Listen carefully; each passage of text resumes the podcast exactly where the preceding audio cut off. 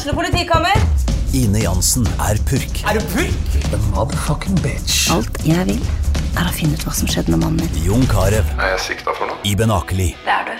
Ole So, Lars Berrum og Big Daddy Karsten. Hvem sin side er du på, egentlig? Anette Hoff, Tone Danielsen, Kommer du fra Afrika? Jørnis Josef, Nesten. Kløfta. Trond Espen Seim, Det er synd å si det, men det var feil mann som døde. Purk. Premiere tirsdag på TV2 Play. Hei, og velkommen til en ny episode av Debrif med Dag. Ja, hvor det går? Jeg har vel eh, For noen uker siden så sa jeg vel at jeg jogga meg vill. Jeg jogga meg i hvert fall lettere vill. Det var sikkert en overdrivelse, vil jeg håpe, for i dag jogger jeg meg faen meg vill. Genuint vill. Sånn vill at jeg tok en skogsvei og visste ikke hvor jeg var, og måtte begynne å springe tilbake igjen. Det var et helvetes jævla liv. Jeg var oppe i området rundt eh, For de av dere som er lokalt lokalkjent, jeg sprang opp bak eh, Skullerud skole, og ja, og så opp mot Nøklevann. Og der en plass så mista jeg bare all fuckings eh, All jævla retningssans. Og det var ingen telefondekning, og jeg klarte ikke å få opp det der jævla GPS-signal altså, det, det, det det var, Hadde ikke vært for at det var lyst ute, så hadde dette vært et Blair Witch Project-øyeblikk. Og jeg begynte å bli såpass sliten nå. Jeg var liksom eh, Jeg hadde vel faen meg sprunget over en mil når jeg innså at eh, hei, jeg vet da faen hvor jeg er hen. Og når jeg da omsider får et GPS-signal som sier at det er 48 minutter å komme seg hjem, eh, så, og jeg allerede er relativt sliten, så eh, det, det gjør noe med moralen. Det skal faen meg sies. Det her minner meg faen meg om eh, altså Hvis jeg, hvis jeg er stressa, så har jeg, har jeg sånn, eh, gjennom, altså jeg har gjentagende drømmer om at jeg aldri kommer meg frem dit jeg skal. Og klassikeren er jeg er på vei ut på flyplassen, og så skjer det bare masse ting. Jeg blir stoppa av små, irriterende greier som gjør at jeg ikke kommer meg frem. Flybussen eh, er forsinka, eller så punkterer den underveis, altså noen som dulter borti meg, så jeg mister pengeboka altså Det kan være en million jævla småting. Nå begynte jeg plutselig å få den følelsen at faen, hva hvis jeg aldri kommer jeg, jeg, jeg husker da jeg var unge, og det, det må ha gått inn på meg, for jeg husker det enda, så var jeg eh, kvasi-forstoppa. Jeg har jo bare vært eh, ordentlig forstoppa én gang. Eh, jeg tror jeg nevnte det for de av dere som, eh, som eh, støtter meg på Patrion, når jeg prater om min Afghanistan-tur. Men da, da ble, i Afghanistan så ble jeg i hvert fall eh, forstoppa.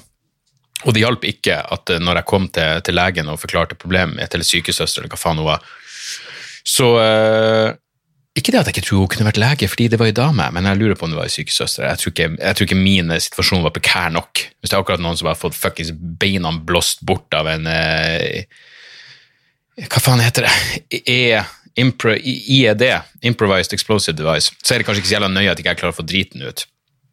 Men eh, da hun i hvert fall til meg at det er et uvanlig problem. Vanligvis så er det andre veien. Folk bare driter hele tida. Um, så, men det, og det hjalp jo ikke. Du har, ikke lyst til å være spesiell i Afghanistan. Men da, da var det i hvert fall et Og det eneste som funka, var alkohol. Selvfølgelig var det. Hun ga meg noen piller og noen greier som skulle løse opp i ting, men det, det funka jo faen ikke. Så det eneste som funka, var å bare drikke seg sveiseblind og eh, føde. Ja. ja. Vodka var min epidural.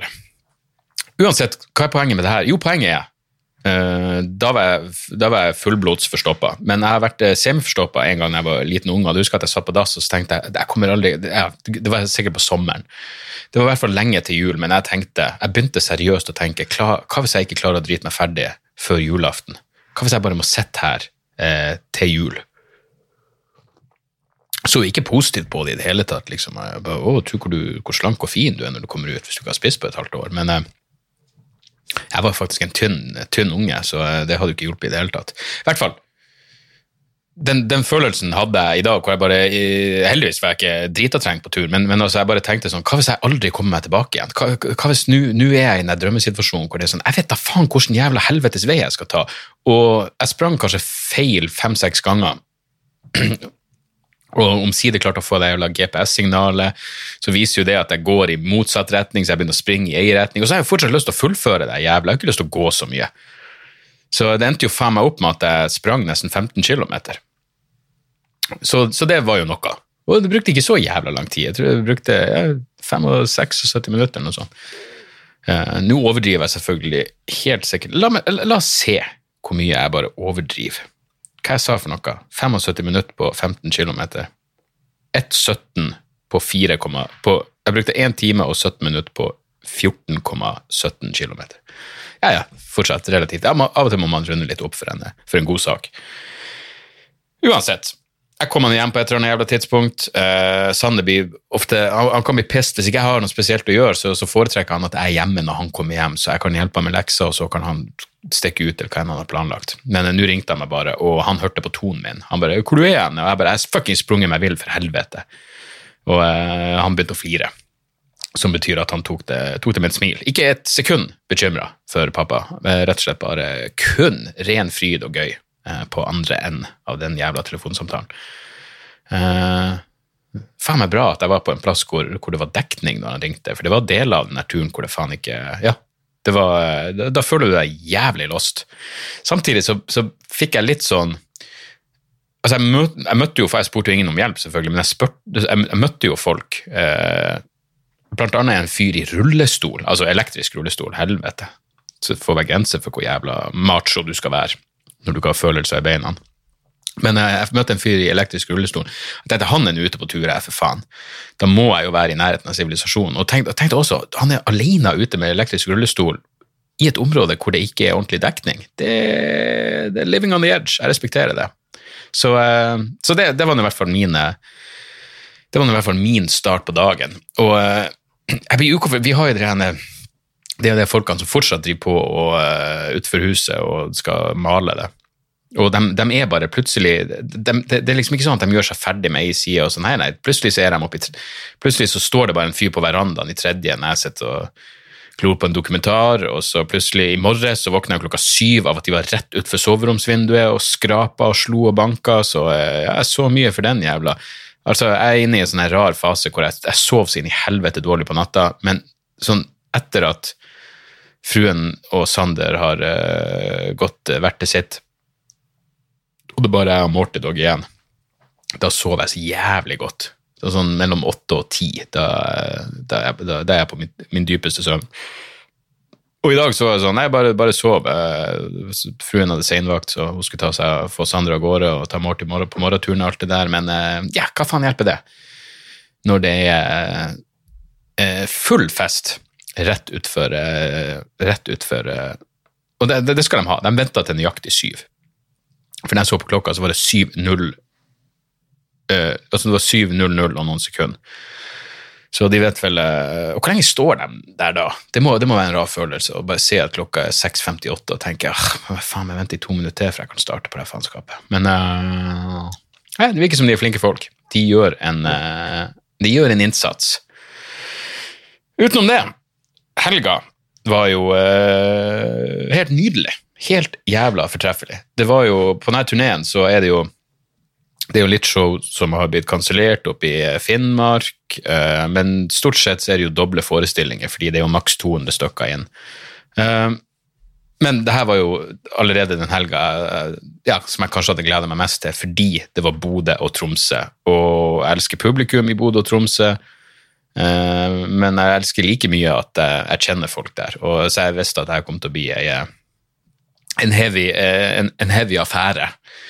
Og det begynte jo akkurat sånn som det skulle begynne. Eh, jeg skulle se på Skubare i Bodø, fordi vi ikke klarte å Det var ikke mulig å gjennomføre showet på, på Stormen kulturhus som planlagt, men i siste øyeblikk så, så steppa Kevin Kildahl og Kompost Malone opp og, og berga så det var to show der. Eh, og eh, Kevin henta meg og Steven på fly, lydmann Steven på, eh, på, flyplassen, og så var det jo rett på hotellet. Der var det for det første en, good, en goodiebag. Kevin hadde fiksa en goodiebag. Han er ingenting om ikke en profesjonell arrangør. Og i goodiebagen så var det alt fra eh, snop til småflasker med gin og vodka til en kukring. Og uh, det må jeg si, jeg har aldri prøvd en kukring før, men uh, interessant opplevelse. Den er vel først og fremst for, den, for, for kvinnelig glede, går jeg ut ifra. Uh, jeg sendte et bilde til fruen, men hun fikk ja, hun, hun, hun, har ikke spurt noe mer, hun har ikke stilt noen oppfølgingsspørsmål om den kukringen. Det er ikke som om jeg kom hjem og så var sånn 'Å, har du den pikringen med deg?' Eh, og Sander flirte jo selvfølgelig når han eh, Fordi eh, Hvordan i faen kom det opp? Jo, han var bare i dårlig Han var bare i, eh, han var i dårlig humør på, på mandag. Han sover litt for lite. Og så er det mandag, og han har gym i de første timene. Og ja, så jeg hadde en viss sympati for han, så jeg bare fant en nevne innpakninga, ikke selve kukringen. Kan ikke gi han en brukt kukring, men en innpakning. Altså. Så jeg ser hva jeg fikk opp i Bodø, en kukring. Og han bare en kukring, og da flirte han jo godt. Eh, Men igjen, han hadde heller ingen oppfølgingsspørsmål, så jeg tipper han tror det er pynt av noe slag. Altså ring på samme måte som du bruker en ring på fingeren, så har du en, eh, en kukring også. Men eh, ja, han har jo Google, så han vet sikkert hva det er eh, per nå. Men eh, så det var en fin goodiebag, og så var det en fin flaske whisky fra Kevin, og et, eh, et fint brev som var riktig så rørende, og jeg var litt sånn bakfull, som gjorde at eh, jeg ble akkurat så rørt som du ville. Eller som man vil bli, som er passende å bli. Så det var en veldig hyggelig start. Jeg prøvde å få meg en time på øyet, men det gikk ikke. Jeg var, jeg var litt, jeg vet da faen hva jeg var. Jeg, er litt sånn, jeg, som sagt, jeg sov ikke så godt, og jeg tror jeg var litt sånn stressa. Det var jeg tenkte, har jeg det materialet under huden, og jeg vet at vi kommer til å begynne å drikke ganske tidlig, og det gjorde vi jo. Traff Kevin nede i hotellbaren i tretida, og så gikk det derifra. Frem til eh, Ja, nei, og så var vi og spiste. Eh, Erlend Osnes kom innom, og det var jævlig hyggelig, så vi var ute og spiste sushi. Eh, fruen til Kevin var med, og ja, good times, og jævlig Nei, Oma, eller hva faen det heter i Bodø. Nede på, på Radisson-hotellet. Satan, de har god sushi. Inn i helvete. Og så var det oppe og skulle bare, og så var det to show. Syv og ni, så det gikk jo faen meg relativt i ett. Og det var jo selvfølgelig liberal eh, liberal skjenking eh, ja, både selvfølgelig før og under, og ikke minst etter showene. Og eh, ble jo gjort uh, Godeste Dan uh, på Skubare har faen meg peiling på gin. Han er en gin-aficionado, virker det som. Og uh, han introduserte meg og Steven for, gin, for drinken Jeg tror det var, var gin fashion det ble kalt, og det er min nye favorittdrink. Helvete hvor godt det var. Det var bare de perfekte. Først drakk vi en Negroni, og, og, men da var det en Negroni med Jeg mener bestemt han kalte det bathtub gin. Um, og jeg vet da faen, det ble litt uh, Altså, jeg elsker Negroni, men jeg tror Negroni er mer en dagdrikkingsgreie. Det er ikke noe den, den gjør seg ikke etter et show av en eller annen grunn. Det, det ble for mektig. Men så var den her gin fashion, og det var altså bare helt perfekt. Det, det, det, det jeg, jeg har jeg, jeg klarer ikke å få noe sånn eh, smaksminner klart, men det var bare Det var perfekte kontraster i den drinken, og det var helt jævla fortreffelig. Så selv om du ikke bor i Bodø, fly opp til Skubare og, bestill en gin fashion, for det var eh, helt fuckings optimalt. Og, eh, og alt stenger jo tolv, men fordelen her var jo at vi kunne henge litt etterpå, så jeg vet ikke hvor lenge vi satt. Vi satt nå Vi satt nå lenge nok til at når jeg våkna opp dagen etterpå, så tenkte jeg å, det her blir en røff dag. Våkna opp til en melding fra min kjære brorsan. Da, da var han i Tromsø allerede, han og en gjeng. Eh, skulle på, på showet i, i Tromsø, så han skrev bare 'hvordan er formen?' Og jeg bare 'den har vært fuckings bedre', og da fikk jeg bare sånn åh, Jesus. Han er, han er på plass i Tromsø, men jeg, er enda i Bodø. Jeg jeg må opp, jeg må, jeg må gjøre meg rein på et eller annet vis, jeg må rehydrere, så skal vi faen meg komme oss helt til Tromsø. Og det var litt sånn Det eneste som berga meg, var tanken på ei Altså Av og til så får jeg sånn Jeg vet spesifikt hva jeg trenger for at alt det her skal ordne seg. Jeg mener, jeg er for lat, jeg, missa hotellfrokosten. Steven sendte meg til og med melding og spurte om jeg ville ha noe på Subway, men jeg var sånn fuck it, jeg trenger ingenting fordi jeg skal ha i 1664 blank på, på flyplassbaren i, eh, i Bodø. Så jeg, jeg tenkte bare jeg får den, så kommer den Widerøe-turen opp til, til Tromsø til å gå finfint. Og vi hadde et sent fly også, flyet gikk ikke, før eh, tre. Så eh, vi dro opp eh, på flyplassen i god tid. Det er jo en lørdag. Det er jo faen meg den, den eh, roligste dagen på, på alle flyplasser, vil jeg tro. Men, men nå, i denne tida, så er det jo faen meg helt dødt. Men jeg tenker fuck it. Det betyr at det ikke er kø i baren, og det er perfekt. Kommer opp, eh, sender inn, eh, sender bagasjen, og så er faen ikke Altså, ikke bare ser jeg at alt Du ser altså, når du kommer opp trappa på flyplassen i Bodø på vei til sikkerhetskontrollen, så ser du jo inn på flyplassen, og alt ser stengt ut. Alt ser stengt ut. Fuck at selve sikkerhetskontrollen er stengt. Den åpna 45 minutter før flyet skulle gå, så vi kom oss ikke inn på flyplassen uansett, men jeg ser jo til min store jævla forskrekkelse at uh, flyplassbaren er stengt. Alt var fucking stengt, og jeg blir desperat. Og Kevin hadde dratt uh, til Trondheim med tidligere fly den dagen, så jeg sender selvfølgelig han melding med en gang og tenker jeg håper han er landa, og bare spør fuck, er, er det noe åpent, er det noe alkoholservering åpen på, på flyplassen i Bodø. Han bare alt var stengt, alt var stengt. Og jeg måtte tørke en liten tåre. Helt til Steven sa jeg har den goodiebagen fra i går, og uh, ja, da ordna jo for så vidt alt seg. Men uh, når 1664 ble det ikke. Landet i Tromsø uh, halv fem, og da var det showstart nei, halv åtte. Så det var ikke så jævla mye tid. Så jeg bare kom meg Altså, jeg hadde, altså to ganger har jeg jo hatt opplevelser med Altså Eh, min erfaring med, med taxisjåfører er at de fleste holder kjeft. De er veldig komfortable med å ikke si noen ting, og det passer meg helt utmerket. De to gangene jeg kan huske de siste fem årene hvor jeg havna i absurde samtaler med taxisjåfører, det var i Tromsø. Én skulle overtale meg til å bli med i Hare Krishna eller noe, og han andre skulle ha meg til å bli med i Hare med han Durek. Jeg husker faen ikke detaljer, men det var noe helt sinnssyke greier skulle overbevise meg om at det var et liv etter døden som, som er det siste du trenger når du er bakfull på vei til flyplassen etter ei helg i Tromsø. Da, da er jeg jo, jeg er jo ikke engang overbevist om et liv før døden. ikke sant? Så, eh, så når han taxisjåføren begynte å prate, så tenkte jeg bare Jesus, vær så snill og ikke være en sånn der jævel. Det begynte bare med at han spurte hvor er du fra. Jeg bare Narvik. Ok, Han bare hvor langt uh, fra Narvik og hit? Jeg bare nei, nå kommer jeg fra Bodø, men jeg vet da faen. Det er nå et stykke å kjøre. Og så, så, holdt han faktisk kjeft etter det. Altså, han, han fortsatte ikke å eh, plage oss med intetsigende spørsmål. Uh, jeg vet da faen hvor han er. Han hadde litt sånn gebrokken aksent, men uh, det, liksom, det, var noe østeuropeisk over han. Men uh, heldigvis, takk Gud, jeg bare så på Steven og tenkte jeg, jeg klarer ikke en sånn her jævel nå. Jeg klarer ikke en spirituell faen nå. Men, men, heldigvis så holdt han, holdt han, kjeften, holdt etter det. Så det var på hotellet. Steven hoppa av på på Kulturhuset for å se at alt var i orden der. Jeg dro på hotell og lempa fra meg ting. Og så var det å dra og spise på rå sushi. Det gikk faen meg på sushi. Det gikk i sushi i nord. Rå sushi i Tromsø, og det var jo tipp topp. Jævlig god mat. Uh, fikk oss et, pass, et par uh, Ja, hva faen var det man drakk? Chablis, sikkert. Gudene vet. Jeg er veldig lite fancy. Det, altså, det eneste jeg kan når jeg sier jeg vil ha et glass hvitvin, og så er det hvordan du sier tørr, tørr.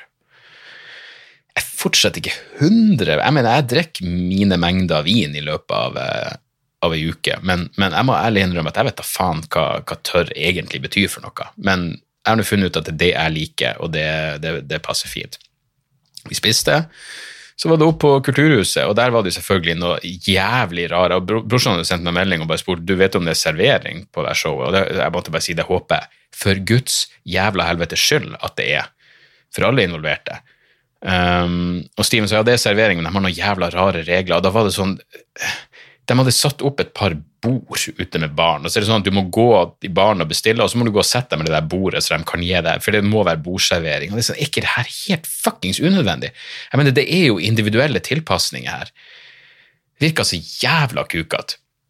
Og så hører jeg jo også, kommer Steven opp og forteller meg før, før jeg kommer meg på scenen på, på det første showet, at det, du, det, eller Først kom og sa det så jævla lang barkø. Å, det var jo et sjokk. Uh, sett nå fuckings ekstra folk i den jævla baren når jeg skal ha show. Eh, men, men, i hvert fall så kom bare Steven opp og sier du, de måtte bare stoppe. Det var 20 stykker igjen i barkøa, de får ikke noe å drikke. Så jeg måtte bare kutte. Så jeg måtte bare starte showet. Og det, da, da, får jeg jo så jævla vondt i meg. Så jeg måtte si til Steven faen, kanskje skulle vi bare gi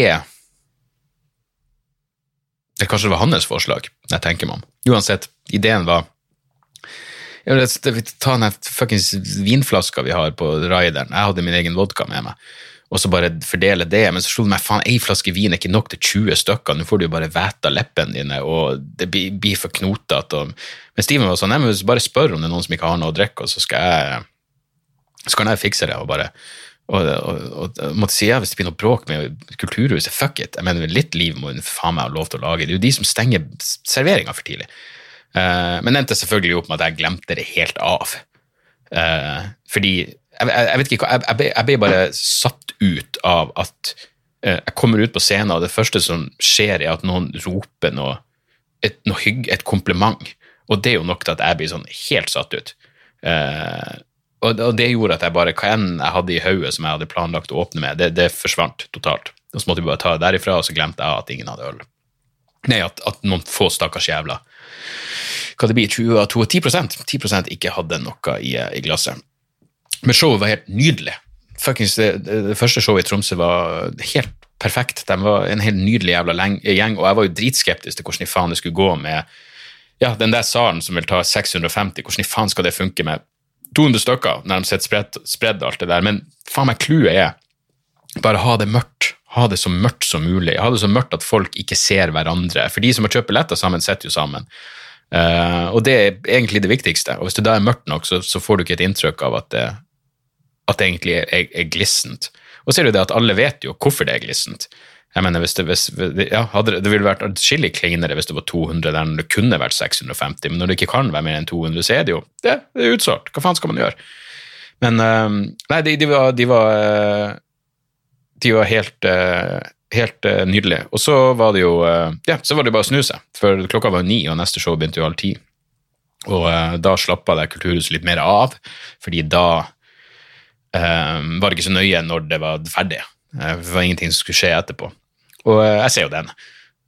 Men så, kommer jeg ut på, og da husker jeg å spørre, starte bare med For jeg ser liksom tre stykker på første rad eh, mens jeg står og venter på å gå på. Han ene sitter og sover, han sovner allerede før jeg går på scenen. Det er imponerende, så jeg blekka da.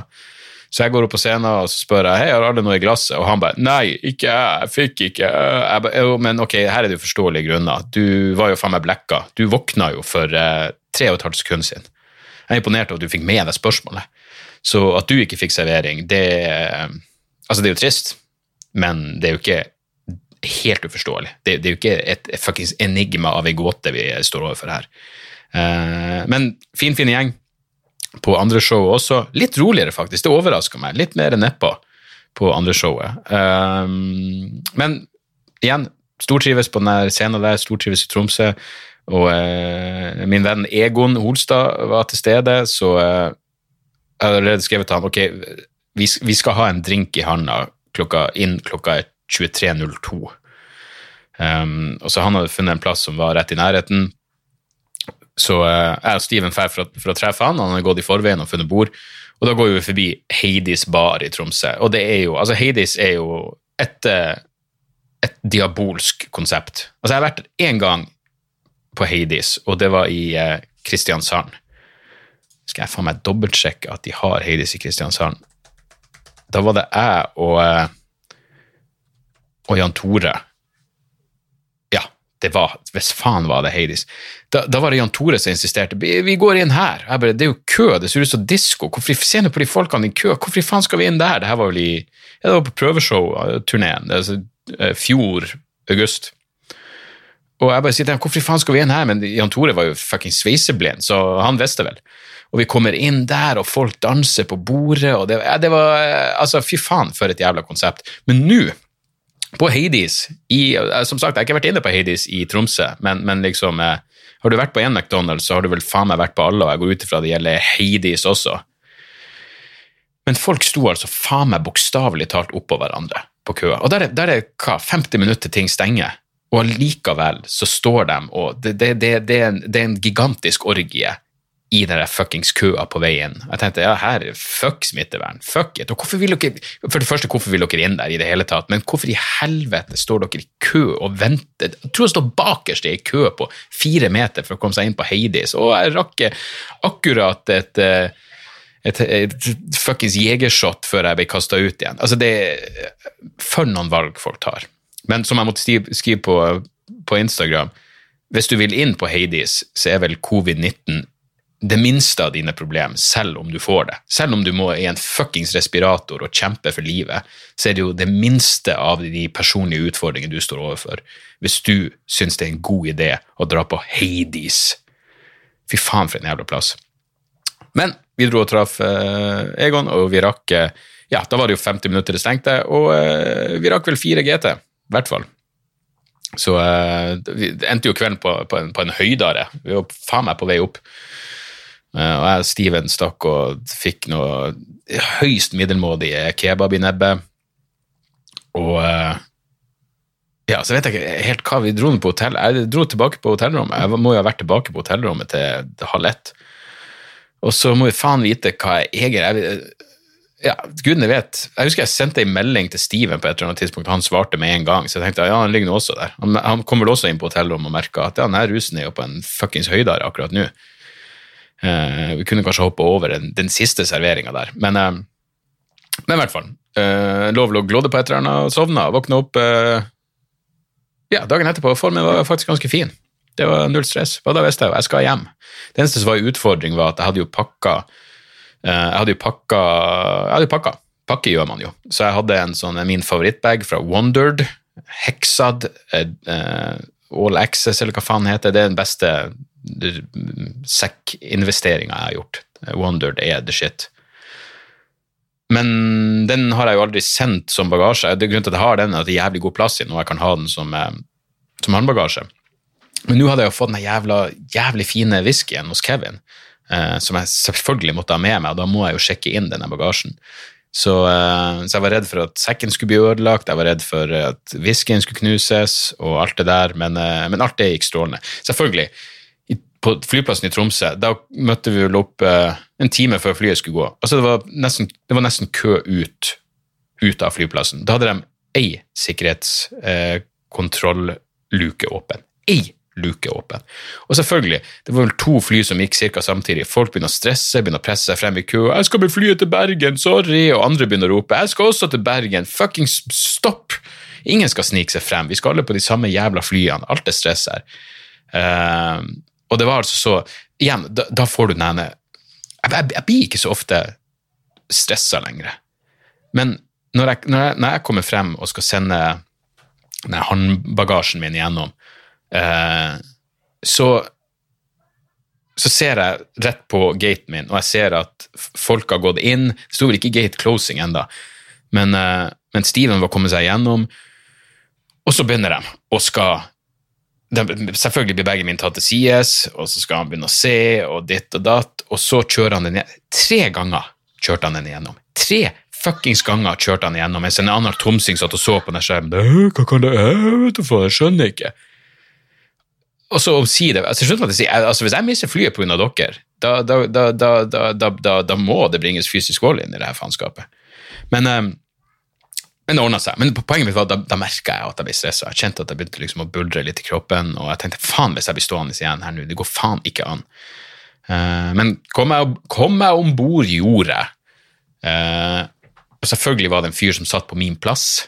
Uh, vindusplass på, på nødutgangen. Og du vet det der ekle sekundet når, sier, eh, når du sier 'sorry, men jeg tror du sitter på plassen min', når de ser på deg, og de håper, de håper at jeg kanskje skal si jeg 'bare drit i det, jeg kan sitte på mitt sete'. Selvfølgelig gjør jeg ikke det, jeg kunne aldri fuckings falt meg inn. Jeg er en snill faen, jeg kan ofre meg for andre mennesker, jeg har eh, altruistiske kapasiteter, men ikke faen om jeg har noen form for empati på fly. Fuck det. Jeg jeg sjekka inn med det samme det her flyet ble bestilt for månedsvis siden. Så sjekka jeg inn. En av fordelene med å ha det jævla gullkortet er at du kan velge seteplass med en gang bestillinga er gjort. Så, uh, så ja. Så ingen nådde der. Så han måtte sitte imellom meg og Steven. Og det var jo kleint, fordi han, han, sa til meg sånn Ja, jeg bare, jeg bare satt meg her, og så uh, Jo, nei, nei, jeg, må ha plassen min, så jeg satte meg inn, i vinduet. Så satt han seg på uh, det var, så Jeg satte meg ned på 15A, så satte han seg på 15C, og så sier han eh, jeg bare setter meg her, jeg har egentlig midtsete, men jeg setter meg her uh, bare for å se om det kommer noen. Og jeg visste jo at Steven skulle sitte på 15C, jeg visste at Steven skulle sitte på hans sete, men jeg sa ingenting. Jeg holdt bare kjeften. Jeg hadde liksom ikke lyst Jeg hadde lyst til at den stakkars jævelen skulle ha de sekundene med håp til, ikke sant? Uh, det er sånn som den, jeg sikkert nevnt det før, men i, i Viktor Frankels bok 'Man's Search for Meaning', hvor han, han, prater om å sitte i uh, Auschwitz, eller hvor faen det er. Han, han, var i en eller annen konsentrasjonsleir, og så har han en kompis som Han våkner av at en kompis driver og roper og skriker og vrir seg på natta fordi kompisen har et åpenbart jævlig mareritt, og Viktor Frankl er i ferd med å vekke han, og så kommer han på Nei, vent, hva enn han drømmer om, hva enn som er grunnen til at han ligger og vrir seg i angst akkurat nå, så er det bedre enn virkeligheten. Så han vekter han, vekte han ikke. Eh, kanskje litt dramatisk sammenligning å dra til at en fyr må sitte med midtsete, men jo, jeg syns det er på sin plass. Jeg, synes, jeg vil faktisk likestille de to eksemplene. Eh, men det som da er flaut, er at når Steven kommer og slår seg ned, så kan jo ikke jeg vise at jeg kjenner Steven. Ikke sant? Det, det blir jo flaut. For da vil han eh, fyren tenke hvorfor faen sa du ikke fra med en gang? Hvorfor spilte du uvitende når jeg kom og slo meg ned? Uh, som ville vært et fair poeng, så jeg måtte bare ikke si noen ting.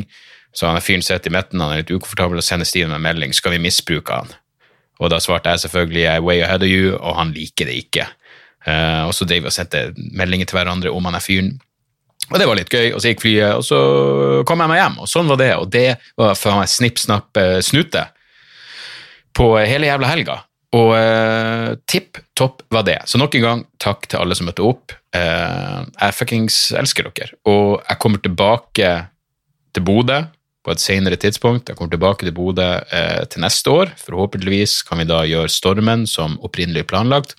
Tromsø er det allerede billetter i salg til 7. november. Jeg kommer tilbake til Kulturhuset 7. november. Så, eh, så jeg håper dere, eh, de av dere som ikke var der, kan eh, ta turen og spre ordet og alt det der faenskapet.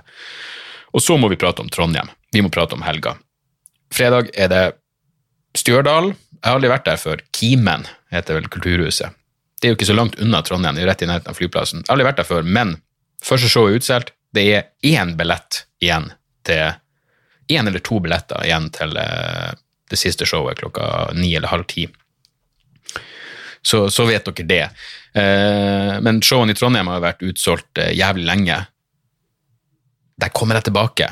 Jeg kommer tilbake til Trondheim. Jeg gjør Storsalen i Olavshallen. Forhåpentligvis Eh, til eh, under normale omstendigheter den 10. april. Billettene kommer snart ut, men eh, nå vet dere det. Men her er det viktige med Trondheim.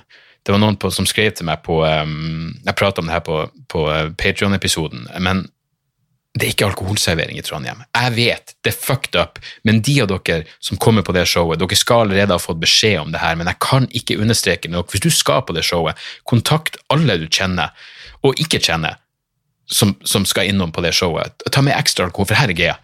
Jeg kan selvfølgelig ikke oppfordre dere til å ta med i lommelerke. Nå er det jo ikke alkoholservering, så, så ikke under noen omstendigheter må dere ta med deres egen alkohol. Ikke under noen omstendigheter må dere eh, kjøpe dere lommelerke og snike litt. Gå for sprit. Altså, ikke gå for sprit, mener jeg. Ikke gå for sprit. Ikke tenk på det at det er jo høst ute nå, det begynner å bli småkjølig. Du kan ha en stor en stor jakke på deg. Du kan, meg, du kan snike med deg en halvliter sprit hvis du vil, du kan snike med deg en flaske vin. Du får sikkert plass til noen bokser øl også. Ikke gjør det. På ingen måte gjør det.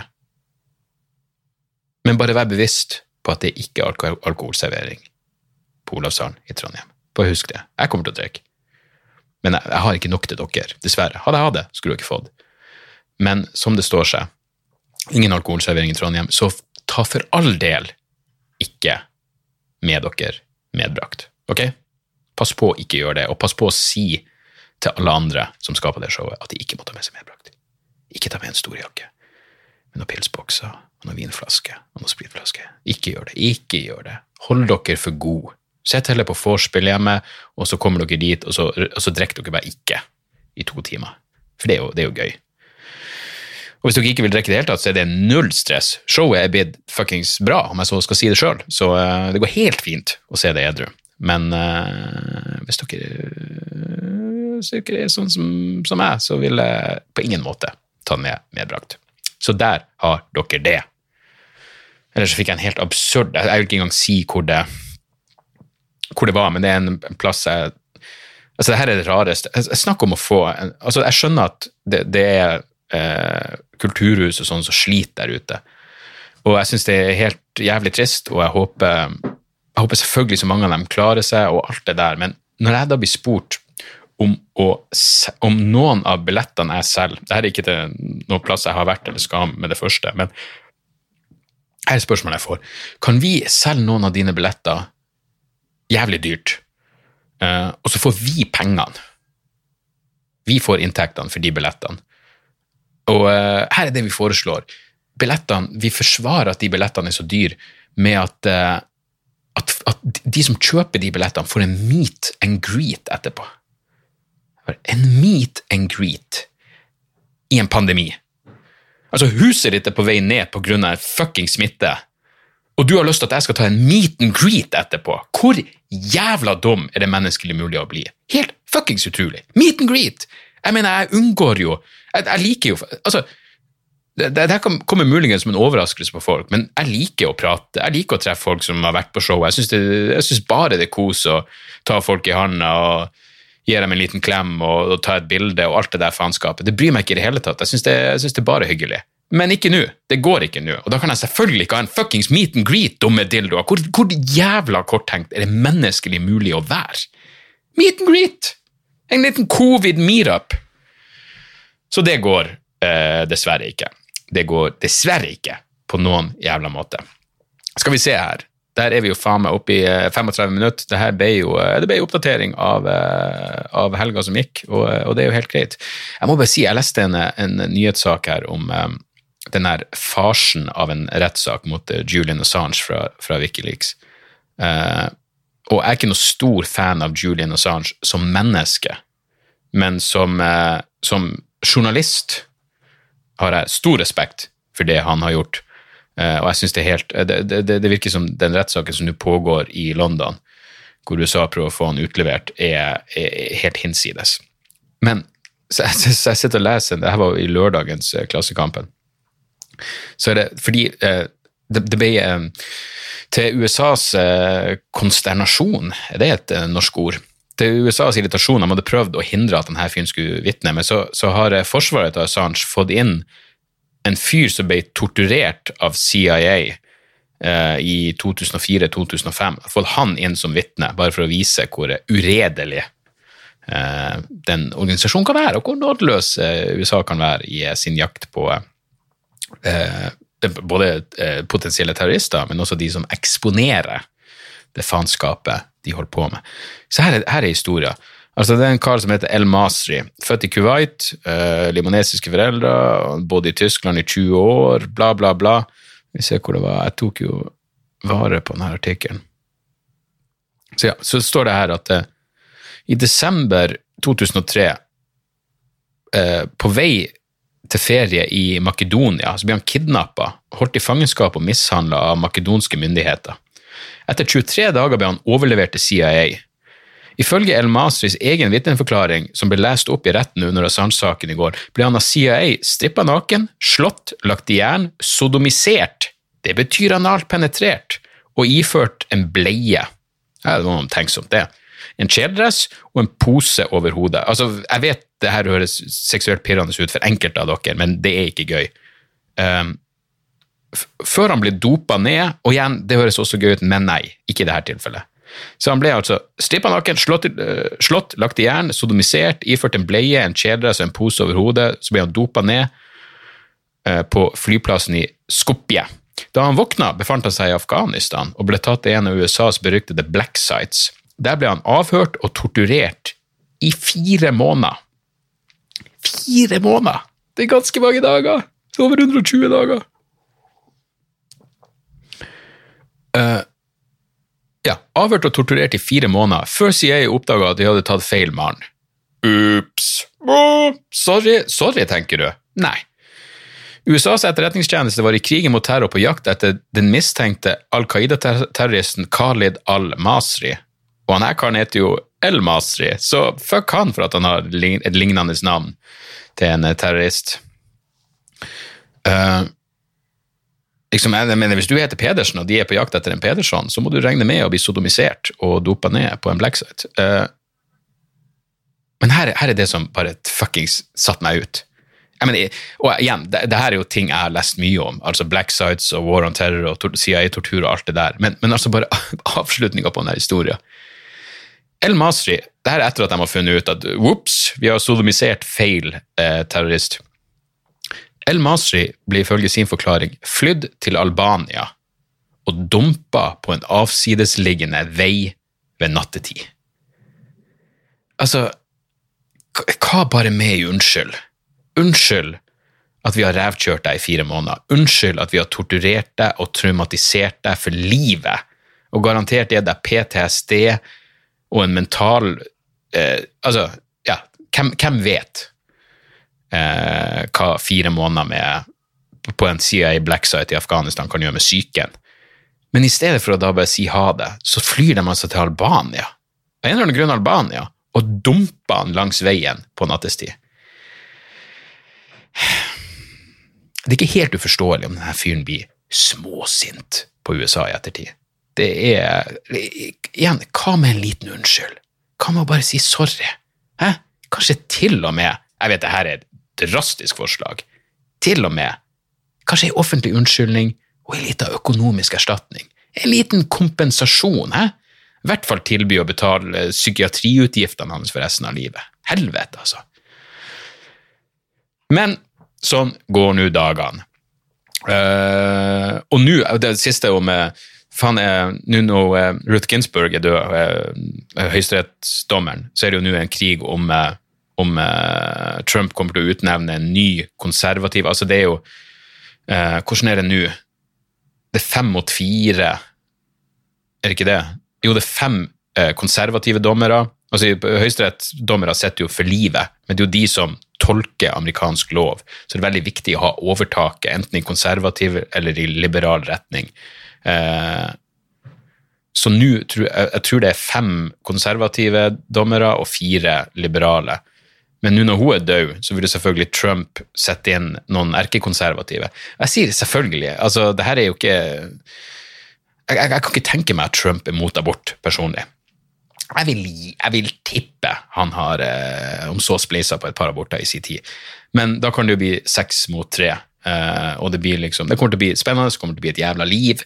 Um, men poenget mitt var bare at da Ruth Ginsburg ble uh, uh bekrefta, godkjent av eh, Kongressen, så fikk hun 93 oppslutning. Det ville aldri skjedd nå. Nå er, nå er alt så jævla polarisert og delt inn etter partipolitikk at uh, ja, det kommer til å bli et jævla liv, og det kommer til å bli jævlig spennende å se. Jeg, jeg, meg, jeg tror jeg er mest enig med de som sier at uh, vi, vi, kommer ikke til å hvem, hvem, kommer til å vinne det amerikanske valget? Ingen. Det, det er umulig å forutse. Uh, så litt, litt spennende tider uh, fremover, om ikke annet. Så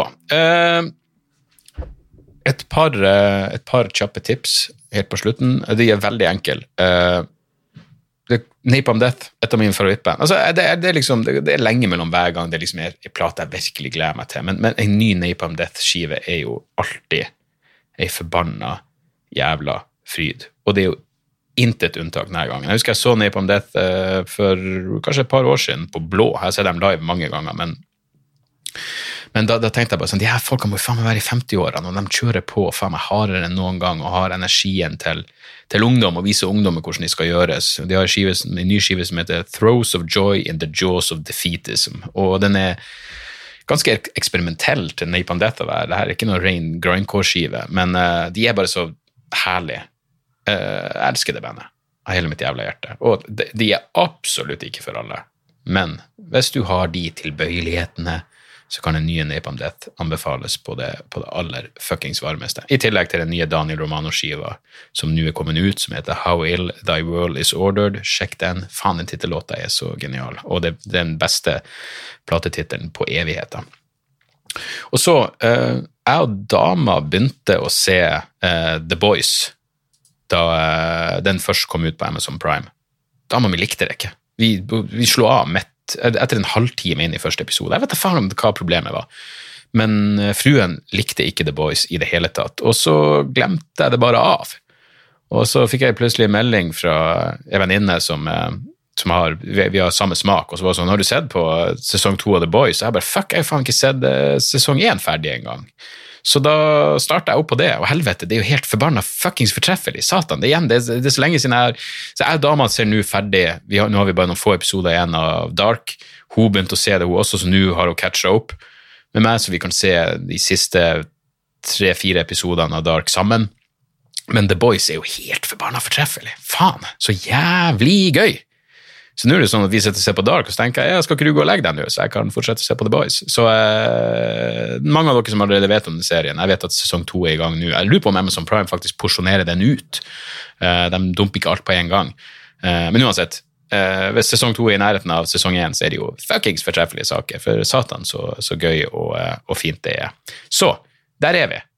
Eh, jeg håper å se dere ute på turné, folkens. Stjøla og Trondheim til helga. Utsolgte show. Eh, helga etter, Leknes, der er det satt opp ekstraforestilling. 2. oktober på Leknes er det ekstrashow. Og så er det Svolvær dagen etterpå. Der var det ræva billettsalg sist jeg sjekka. Jeg håper det har tatt seg opp etter en vis. Jeg håper i hvert fall å se noen av dere der. Um, ja, det er der vi skal ligge. Og husk nå, nok en gang, for all del, finn nå ikke på å ta meg medbrakt i Trondheim. Hæ? Dere er voksne mennesker. Ja, vi prates! Jeg er riktig så jævla glad i dere. Tjo og heia! Moderne media. Da er det reklametid, og ukens annonsør er fiken. Hør her, jeg, jeg, jeg avskyr ordet regnskap. Ordet regnskap eh, gir meg assosiasjoner som er uhyggelige. Det får meg til å tenke på andre uhyggelige ord som ettersyn og underlivsundersøkelse. Men regnskap er et nødvendig onde, og fiken er et så enkelt regnskapsprogram at selv jeg kan klare å ha kontroll på finansene hvis jeg bruker det. Eh, du kan registrere kjøpene dine bare med å ta et bilde av kvitteringa med appen, og så kan du bare hive, hive kvitteringen. Hvor nydelig kan det bli?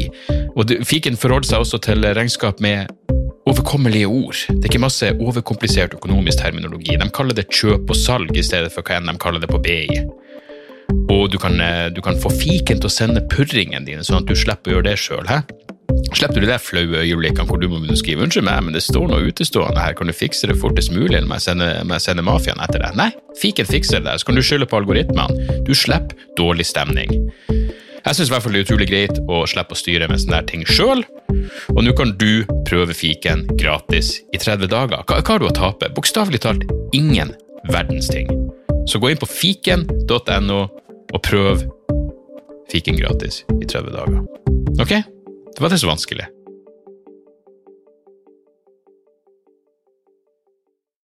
Har du et enkeltpersonforetak eller en liten bedrift? Da er du sikkert lei av å høre meg snakke om hvor enkelt det er med kvitteringer og bilag i fiken, så vi eh, gir oss her, vi. Fordi vi liker enkelt. Fiken superenkelt regnskap.